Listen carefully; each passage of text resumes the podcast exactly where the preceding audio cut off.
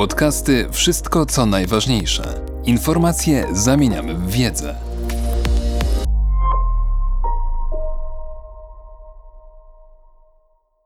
Eryk Mistewicz. My wiemy, co będzie dalej. Bucze i Katyń dzieli 400 km i 82 lata.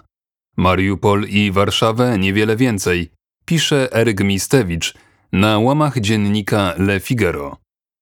Dziś mówicie o podziale Ukrainy. Polska w podobny sposób była dzielona już cztery razy przez Niemcy i Rosję.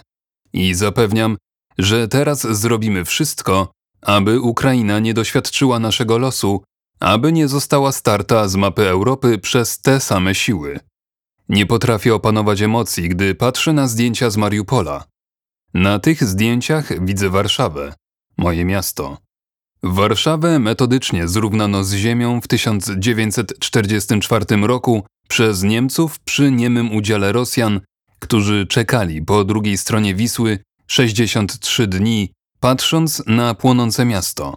Czekali, aż my, Polacy, zostaniemy ukarani za powstanie warszawskie, jak teraz Mariupol za swój opór. Dom po domu, ulica po ulicy, pożoga operacji specjalnej, kilkupiętrowe domy mieszkalne walące się w gruzy, ludzie z podniesionymi rękoma, małe dzieci, kobiety, stosy ludzkich zwłok i ci, którym udało się spod nich wydostać. Wtedy i dziś. Jeśli przyjrzycie się zdjęciom ze zrównanej z ziemią Warszawy po powstaniu warszawskim w 1944 roku i ze zrównywanego z ziemią Mariupola z 2022 roku, nie dostrzeżecie najmniejszej różnicy. Najmniejszej. Nie potrafię opanować emocji, gdy patrzę na zdjęcia masowych grobów z Buczy. Przecież każdy Polak zna te zdjęcia odkopywanych ludzkich zwłok ze śladami po strzałach w tył głowy z bliskiej odległości, ciał wydobywanych z piachu, ze zbiorowych dołów wypełnianych wapnem w środku lasu, aby szybciej zniknęły po nich ślady. Tylko, że nie pochodzą one z 2022 roku, ale z roku 1940 i nie były zrobione w Buczy, ale 400 kilometrów dalej, w Katyniu, Ostaszkowie, Smoleńsku. Każdy Polak, każdy mieszkaniec Europy Środkowej zna te nazwy. Strzałami w tył głowy Rosjanie zabili 25 tysięcy polskich oficerów, profesorów, lekarzy, księży. Nie była to jedyna masowa zbrodnia. Nie tylko przeciw Polakom wymierzano rosyjskie karabiny, czołgi. Każdy z narodów Europy Środkowo-Wschodniej ma swoją opowieść. Mają taką Czesi, Słowacy, Litwini, Łotysze, Estończycy, by pozostać przy tych narodach, które tworzą dziś Unię Europejską. My, mieszkańcy krajów w Europie Środkowej, w strefie między Rosją a Niemcami, już to wszystko widzieliśmy i widzieliśmy nie jeden raz.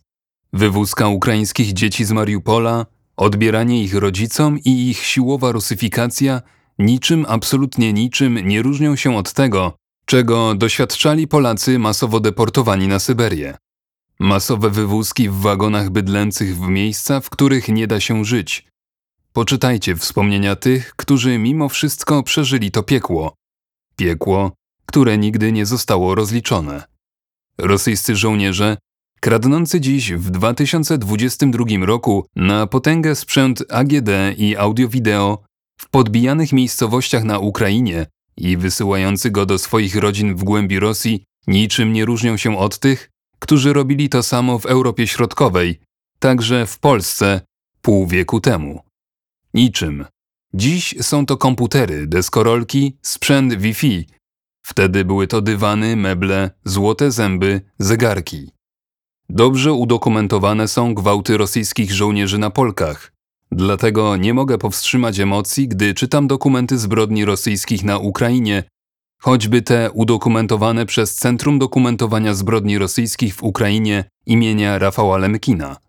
Mimo upływu 80 lat, niczym nie różnią się słowa gwałconych kobiet przez Armię Czerwoną czy Wehrmacht ponad pół wieku temu od tych podawanych do protokołu w ostatnich tygodniach na Ukrainie. Zachowania stadne, zezwierzęcenie, przyzwolenie na najbardziej obrzydliwe masowe zbrodnie wobec małych dziewczynek i chłopców, wzmacniane porówno przez alkohol i przez dokładnie tę samą co wówczas ideologię. I Polacy wtedy, i Ukraińcy dziś. Nie są narodem, są pod ludźmi. Nie są narodem, nie mają kultury. Propaganda rosyjska działa na najwyższych obrotach. I wtedy, i dziś, można ich gwałcić, zabijać, kierować do komór gazowych i zbiorowych mogił. I wtedy, i dziś, światu nic do tego. My to wszystko widzieliśmy. Byli tacy, którzy wchodzili do niemieckich obozów koncentracyjnych i łagrów rosyjskich i alarmowali Amerykanów, Brytyjczyków, mówiąc: Pomóżcie. Tak jak teraz ukraiński prezydent Władimir Zełeński. Jego apel przypomina apele Polaków Witolda Pileckiego, Jana Karskiego o zbombardowanie linii kolejowej prowadzącej do Auschwitz. Były to apele, których nikt nie chciał słuchać. Nikt nie chciał wierzyć, jak teraz nie wierzy się Ukraińcom. Odetnijcie dostawy Rosjanom, apeluje Zełański. Zapewnijcie nam chociaż bezpieczne niebo, albo chociaż korytarze humanitarne, aby ludność cywilna mogła uciec przed wojną. Przyślijcie broń, my naprawdę potrafimy się bronić. Najgorsze jest to, że my bardzo dobrze wiemy, co jest dalej. Znamy niemieckie Nein i sowieckie Niet. Dla istnienia suwerennego państwa, czy to polskiego, czy to łotewskiego, estońskiego, litewskiego, ukraińskiego, gruzińskiego. Dalej są dzieci jako żywe tarcze, dalej są masowe rzezie ludności cywilnej i jeńców wojennych, dalej są masowe rzezie ludności cywilnej i jeńców wojskowych, ataki na domy starców. I aby powstrzymać szaleństwo wojny, dalej jest jakiś Poczdam, jakaś Jałta, jakiś okrągły stół w formacie normandzkim, bawarskim, genewskim albo wałdajskim. Efektem będą negocjacje prowadzące do rozbioru Ukrainy, przedstawione światu jako wynegocjowany pokój, co de facto będzie realizacją scenariusza szefa Kremla. Polacy czterokrotnie doświadczali takich ustaleń, rozbiorów i podziałów naszego kraju. Innych krajów Europy Środkowej historia także nie oszczędziła. Nie, nie będzie naszej akceptacji dla powtórki polskiego losu, tym razem dotykającego Ukraińców. Ponad 3 miliony uchodźców znalazło dziś tak gościnne przyjęcie w Polsce, bez budowy obozów dla imigrantów, bo każdy uchodźca znalazł dziś miejsce w polskim domu, pracę w polskim zakładzie, miejsce w szpitalu, edukację dla ukraińskich dzieci w polskich szkołach, mimo i tak przepełnionych klas. Sukces Polski ostatnich lat podzieliliśmy na dwa. Podzieliliśmy dla nas i dla Ukraińców. Ukraińcy dostają taką pomoc socjalną dla matek i wsparcie dla rodzin, jaką otrzymują Polacy. Bezpłatne koleje i autobusy na terenie całej Polski. I co najważniejsze, bez najmniejszego przymuszania nas do tego przez Unię. I co najbardziej jednak przykre, bez jednego euro z Unii, które trafiłoby do Polski na ten cel. Myślę sobie, że dziś pomocą dla Ukrainy, pomocą dla Ukraińców w Polsce, ale też dla ukraińskiego wojska pokazujemy światu, jak ważne jest w takich momentach zachowanie twarzy. Także to, jak świat powinien zachować się we wrześniu 1939 roku, gdy Niemcy napadły na Polskę. Wspólna akcja pomocy dla Polski cywilizowanego świata mogłaby powstrzymać hekatombę niemiecko-rosyjskiego szaleństwa.